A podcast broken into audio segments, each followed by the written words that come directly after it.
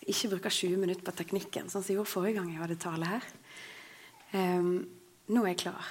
Og, uh, men samtidig er jeg ikke helt klar. Fordi at uh, dette er, det er litt skummelt, selv om jeg kjenner veldig mange av dere. Um, så er det når, det når en merker at uh, Akkurat sånn som når du har hatt sånn vitnesbyrd der du på en måte sterke, modige du som normalt ikke blir vippa av pinnen, begynner å få hjertebank og sånn eh, utgangspunktet tror jeg at det er et godt tegn. da. Eh, at en eh, blir litt nervøs. Men det er normalt noe jeg ikke er sånn veldig plaga med, og da er det litt sånn ekstra frustrerende. Eh, nervøs eh, eller spent eller eh, glad Fordi at her er så mye her er så mye godt for oss som jeg lurer på om vi eh, alltid skjønner. Og nå snakker jeg eh, med et bilde av at jeg sjøl er vokst opp i en kristen heim eh, og godt planta i organisasjonsliv og bedehusmiljø og kirka. Den gangen i hvert fall var samarbeidet veldig veldig tett. Nå er det mange som kjenner på at det òg trykker litt. Men, men et sånt norsk, kristent, luthersk verdensbilde Eh, og, og, jeg opplever kanskje at det er noen ting jeg ikke helt har skjønt. Eh, og det er veldig sånn begeistrende nå, da. At jeg er takknemlig for hvor mye som ligger i vente. Og vi, vi vet det jo, vi sier det jo, det er levende bok. Eh, vi skal få oppdage nye ting. Du blir på en måte aldri Så jeg tror ikke nødvendigvis at dette her er noe som ikke Gud har planlagt. Han, han sår inn ting òg i rett tid. Dette her var teksten eh, som fulgte programmet, og det er ingen problem å følge den. Eh, og her eh, begynte Maini litt, og så vil jeg lese hele, helt til vers 9. Lovet være Gud, eh, vår Herre Jesu Kristi Far, Han som i sin rike miskunn har født oss på ny og gitt oss et levende håp ved Jesu Kristi oppstandelse fra de døde. Vi skal få en arv som aldri forgår, og ikke flekkes til eller visner. Den er gjemt i himmelen for dere, som gjennom Guds kraft blir bevart ved troen. Så dere skal nå fram til frelsen. Den ligger alt ferdig til å åpenbares ved tidens ende. Derfor kan dere juble av glede, selv om dere nå en kort tid må ha det vondt i mange slags prøvelser, om så skal være. Slik blir troen deres prøvet. Selv forgjengelighetens gull blir prøvet i ild. Troen, som er mye mer verdt, må også prøves, for den kan bli til pris, så den kan bli til pris og her herlighet og ære for dere når Jesus Kristus åpenbarer seg. Han, els han elsket dere enda dere ikke har sett ham. Han tror dere på enda dere nå ikke ser ham og dere jubler og er fylt av en glede så herlig at den ikke kan rommes i ord, for dere når troens mål, frelse for sjelene. Et levende håp er, er overskriften. Det er ofte lurt å ha en liten sånn overskrift i et program, og at vi skal vite litt hva det er vi fokuserer på. Samtidig så ble dette eh, tydelig for meg. Gjenfødt, og hvem som gjør det. Eh, Samaini, og det er nettopp det som er poenget. Hvem er det som skal få ære eh, for alt dette her? Og hvem er det som skal få fokus i vårt liv? Hvis vi har et levende håp, om vi er her, eller om vi er eh, hardt prøvd i Korea, eh, i de verste plassene i Kina. Eh, her kunne åpne dører vært her og, og, virkelig få trykt fram dette verset her for oss. Eh, samtidig så tror jeg at vi her inne òg ofte blir prøvd.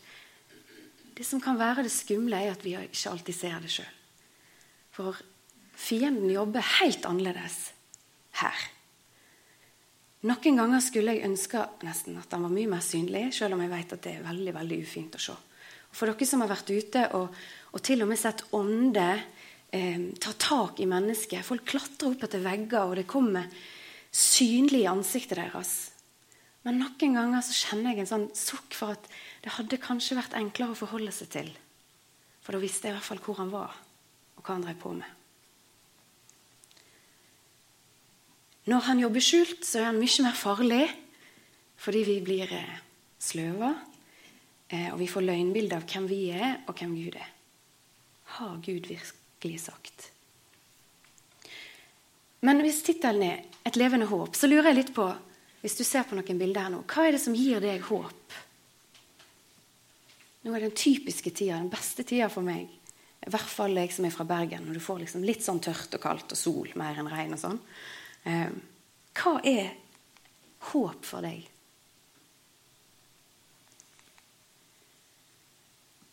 Er det å se nytt liv, nye sjanser,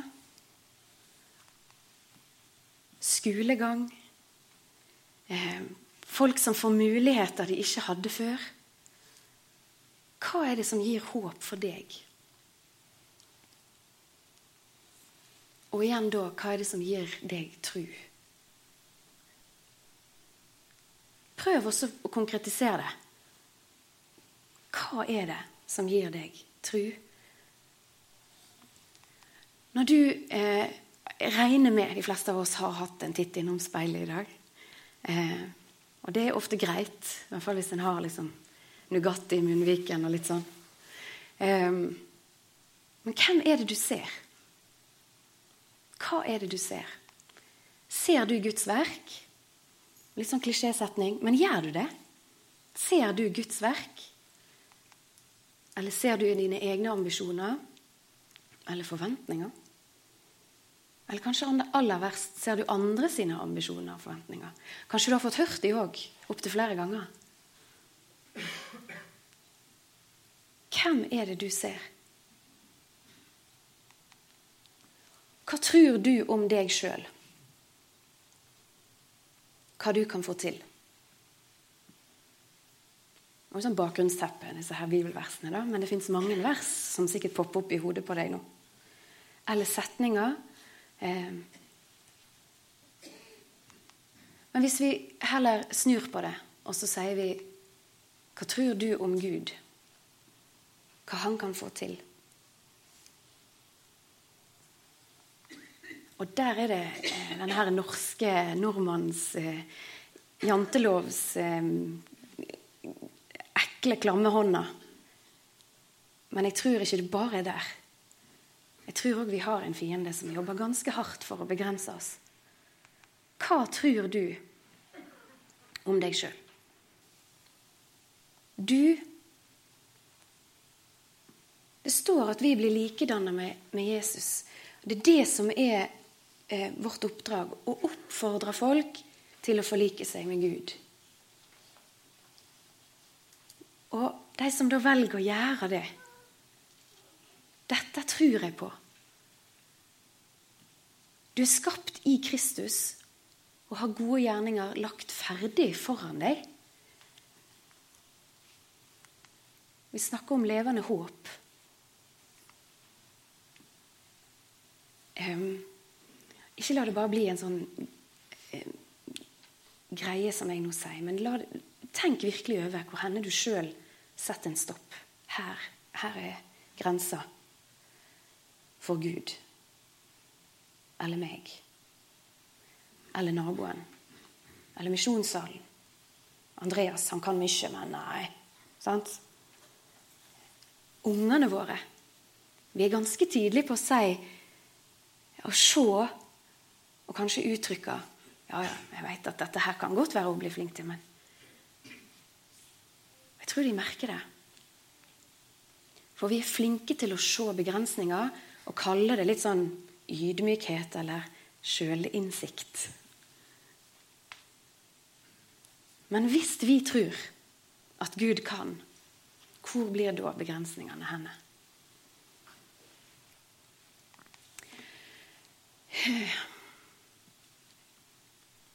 Dette er det som skjedde i påsken. Døden er ikke endestedet. Um, alle mennesker skal leve evig. Men hvor henne og med hvem eh, er ikke klart for oss ennå. Men vi skal få leve evig. Men for oss, og egentlig for alle mennesker For det er for alle mennesker. Um, og innafor og utafor, det tror jeg er en sånn menneskelig måte å, å forstå verden for, å takle verden på. Um, men jeg tror dere òg har merka at det finnes mennesker i deres liv som dere ikke visste. Jeg vet ikke om dere har hatt den setningen. Jeg tror ikke at han går på noe bedehus eller noe. Men det han gjorde der, det var Det var guddommelig. Hvis vi tror på det som står. Gud har lagt det ned i alle mennesker. Og så er det jo ikke da Hva skjer da med misjonen, tenker vi. sant? Selvfølgelig er det meninga. Mennesket trenger å få høre at de må forlike seg med Gud. De trenger å høre at han fins. Eh, men vi vet at det ligger en lengt i alle mennesker. Og det gode som får ære, kan av og til få feil herre. Og det er en genial måte for fienden å jobbe på. Å forvirre oss. Hvem er det eh, eh, Og jeg hadde en diskusjon med noen når jeg, jobber på en, en, skole, der, en kristen privatskole. Eh, og Da blir det ofte litt sånn spørsmål om hva er det vi gjør som gjør at vi blir kristen da, i forhold til en vanlig skole. Sånn? Eh, og så begynner en å snakke om ja, vi synger ikke 'Kua mi, jeg takker deg', f.eks kan synge 'Og du som etter', og så, og så kan vi be velsignelsen. Og så blir det en del sånne synlige ting. Eh, og så hadde jeg en, en, diskusjon med en, og så nevner jeg en del ting som vi, vi holder høyt, og som vi kan gjøre. Og så sier han ja, men det der er jo ikke en sånn typisk kristen greie. Det der er noe alle enig i. sier han. Og så sier jeg ja, men eh, hvor kommer det fra, da? Hvor kommer det fra? Døden for oss nå etter påske, det er dette. Og det kan bli døden for mange. Løgnbildet av våre handlingsrom. Løgnbildet om hva du kan få til. Løgnbildet om hvem som har rett på himmelriket. Løgnbildet om hvor stor Gud er. Og der jobber han dessverre ganske genialt, fordi at han får oss til å eh, bli i tvil. Hva tror vi om Gud? Jesus sier et godt tre bærer god frukt. Tenk hvis vi hadde fortalt det til hverandre. Du er i Han et godt tre. Tenk hvor masse god frukt du kommer til å bære. Dette er litt sånn skole- og lærertanke, så for dere som er lærere, så vet dere dette. Hvis du sier til en elev 'Dette klarer du', så en helt annen, større mulighet for at en faktisk får det til, enn hvis en enten ikke sier noen ting, eller uttrykker kanskje at jeg er litt i tvil om det går. Ikke helt sikker på om du kan bli et tre som bærer god frukt. Deg.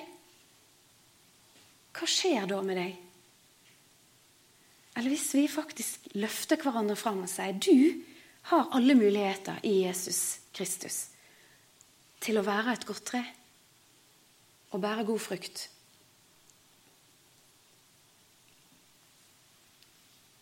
Det er Gud som gjør det. Det er hele forskjellen. Gud jobber. Og det er rent psykologisk. Hvis noen har tro på meg, så kan det være livsforvandlende. Og motsatt. Helt enkelt, og jeg tror det er dette som er på en måte den geniale med Jesus. Å gjøre det så enkelt. Kan noen ha tro på at Jesus vil bo i meg.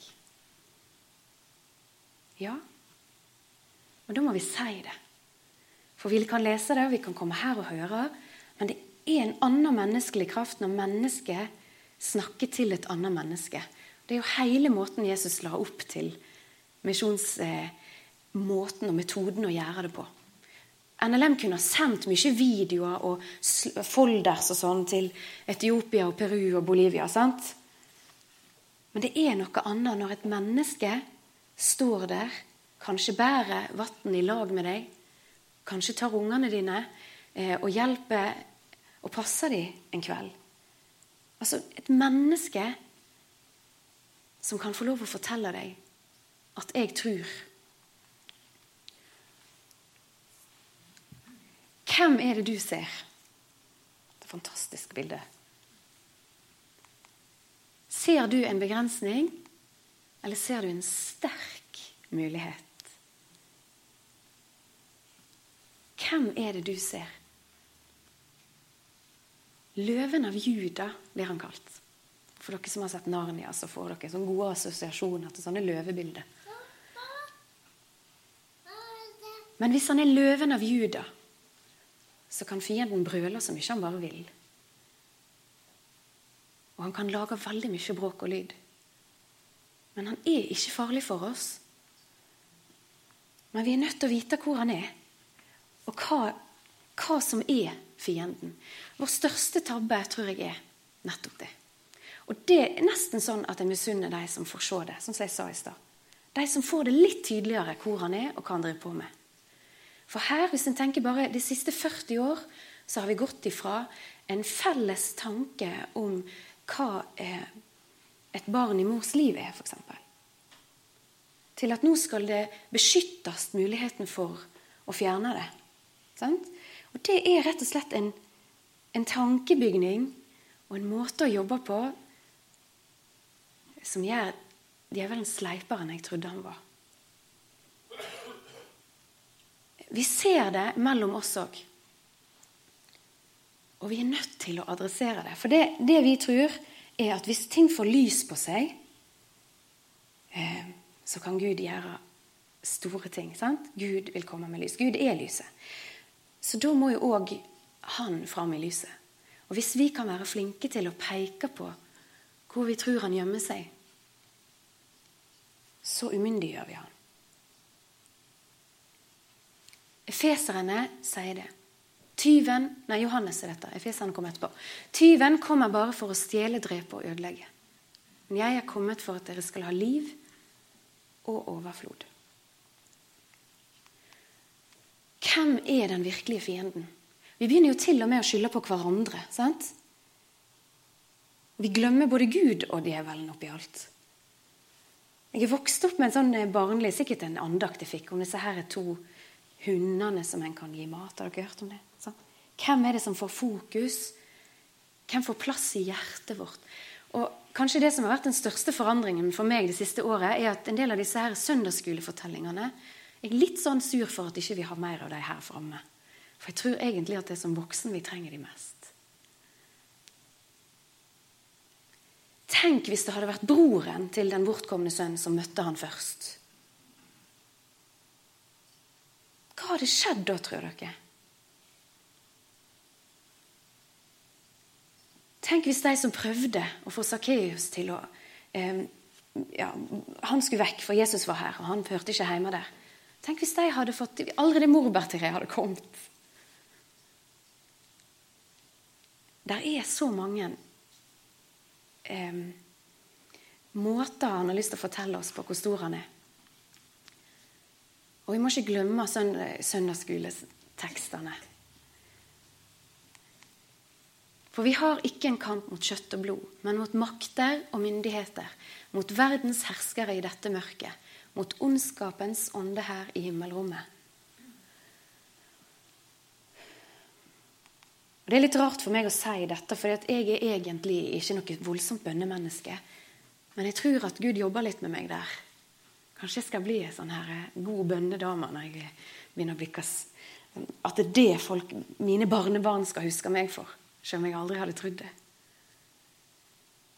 Men hvis dette her er sant, Døden er redusert til et løgnbilde av vårt handlingsrom, og det kan gjøre stor skade.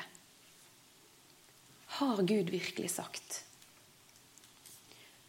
Så kan vi si det at vi har det sterkeste våpenet. Og det er faktisk ingen problem.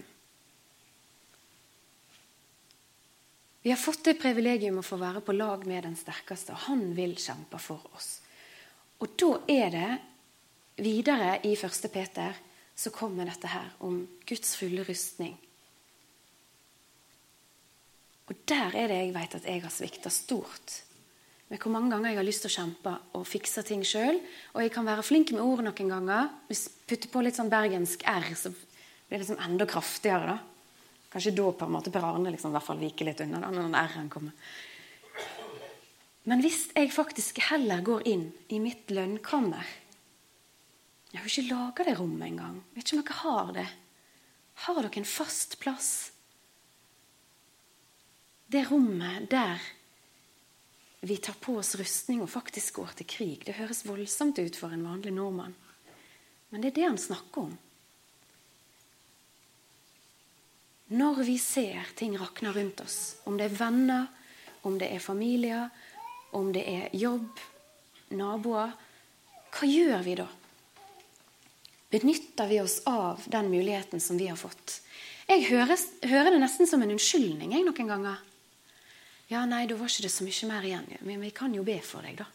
Sånn? Men vi skulle jo ha begynt der. Lenge før alle forslagene og de praktiske, konkrete handlingene kom. Vi har jo alltidsbønnen. Sant? Nesten som at det er liksom en sånn eh, Nesten som at vi ikke tror at det, at det, skjer noe, da. Jeg vet ikke om du har opplevd det, men jeg har faktisk blitt litt, eh, ja, blitt litt flau med meg sjøl der vi, hadde, vi, vi, driver jo på å prøve å lære opp ungene våre til fin, eh, fin kristen folkeskikk. og Vi ber litt om kvelden. Men egentlig så har jo det kanskje vært mest sånn oppdragertanke rundt det for vår del. Eh, og vi har bedt for folk der vår tanke har vært at dette er fint for deg å høre på at vi tenker på andre. Og så har vi møtt oss sjøl i døra dagen etterpå, der plutselig Gud har kommet med en helt annen løsning og var, For meg og Per Arne så ble det sånn at vi så på hverandre og ble litt flau begge to. Å ja, bønn virker jo faktisk. Um, og når en får sånne øyeblikk, så gjør det at en får tro til å prøve igjen. Og når en da opplever at det ikke skjer det som vi kanskje har tenkt, så må vi hjelpe hverandre til å holde håpet oppe.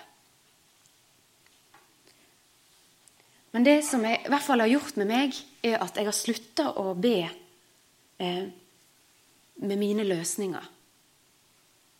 Eh, fordi at eh, Gud har veldig ofte en, en bedre plan, det er nå det. Men han tenker på en annen måte. Han jobber på en helt annen måte. Gud, nå må du gjøre sånn at sant?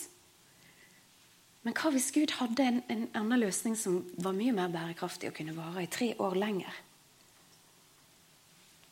Gud, la din vilje skje. Gud kan og han vil. Dette her er i utgangspunktet veldig vanskelig å få til å spire gjennom. Jeg vet ikke om det er asfalt eller hva det er. Den kraften det kan finne, finnes i et lite frø. Og nå får vi det for, for oss. Det er, det er, mye nå når det er vår. Um, en sangtekst som jeg tenkte på i går. Gud vil rydde vei der hvor ingen veier er. Det betyr ikke at vi ber da Gud kan du velge liksom E39 eller E6, sant? for vi vet at det er de to løsningene som ligger foran oss nå. Men så kan Gud gjøre noe helt annet. Og det som han er best på, det er å skape liv av det som ser dødt ut, ubrukelig ut, nesten litt sånn stygt og heslig. Sant? Der er det han er størst. Så når vi begynner å nærme oss at nå har vi ikke tro igjen på at dette her går, så si det til noen. Få det fram i lyset, og la Gud få gjøre sitt arbeid. Gud kan. Og vi har et levende håp. Det betyr at det, det er ikke bare skjedd én gang, men det er liv i det. Sant? Et levende håp. Og dette er det vi da har fått kalt til å gjøre. Dette kjenner dere igjen. De fire b-ene. Be fellesskap med hverandre. Brødsbrytelse, som vi skal få oppleve her nå, helt konkret. Der òg syns jeg Gud er genial. Hvor ofte sitter du og eter med noen du ikke liker? Sånn? Ikke hvem du sitter med i lunsjen. Håvard. Sant? Altså, ofte, vi er litt sånn, Det der er sånn high school-greie for dere som har sett en del av de der. Hvem er det jeg får lov å sitte med nå? Bare tenk ut i kafeen her etterpå. Sånn? Hvem deler en fellesskap med? Og de en ønsker å dele fellesskap med, det viser jo at jeg har lyst til å være med deg. Sånn? Det er det han har som en sånn overskrift over hva han sier. Den jeg eter med. Sant? Jeg vil holde måltid med han. Det er et stort bilde på at du at han vil være med deg. Nå gjør vi det litt sånn enkelt og konkret her, men benytt muligheten der ute etterpå til å dele litt. Bønneemne, kanskje.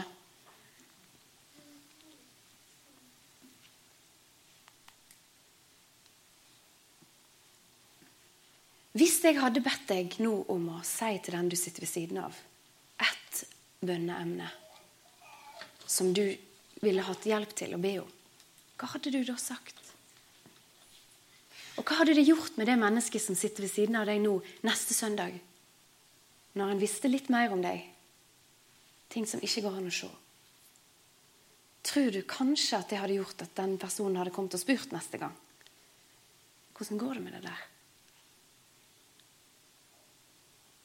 Kanskje det er framtida her. At vi begynner å dele bønneemnet med hverandre. Og så får vi et sterkere bånd, og så får Gud eh, Gud får fokus, og ikke fienden. Og vi kan få lov å komme her for å gi han ære og takk for alt det som han har gjort gjennom uka. Dette er deg i Han kan du alt. Og så hjelper vi hverandre og gir Han ære for det.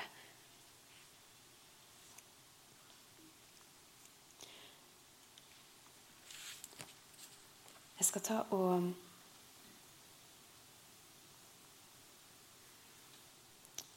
avslutte med et vers som jeg ikke har oppe på, på skjermen. Men i 2. Timot Timoteus 4, vers 5, så står det 'Løft opp Jesu navn og finn deg sjøl i Han'. Løft opp Jesu navn og finn deg sjøl i Han. Søk først Guds rike, sier vi sånn. Kanskje vi skal begynne med bønnen. Koble Han på og skremme fienden langt, langt, langt vekk. Vær med meg og be. Kjære Jesus, tusen takk for påsken. Takk for at du var villig. Og takk for muligheten vi har i deg. Hjelp oss til å våge eh, å tro at du kan gjøre store ting. Både med oss og rundt oss og i oss. Og hjelp oss her i misjonssalen til å, å huske på det for hverandre. Hjelp oss her i Norge eh, til å klare å avsløre fienden når han jobber. Hjelp oss til å få lys på han så han blir skremt vekk. Hjelp oss til å ta tilbake huset vårt, familiene våre, landet vårt, skolene våre alt. Hjelp oss til å løfte ditt navn høyt, og så gjør du resten. Amen.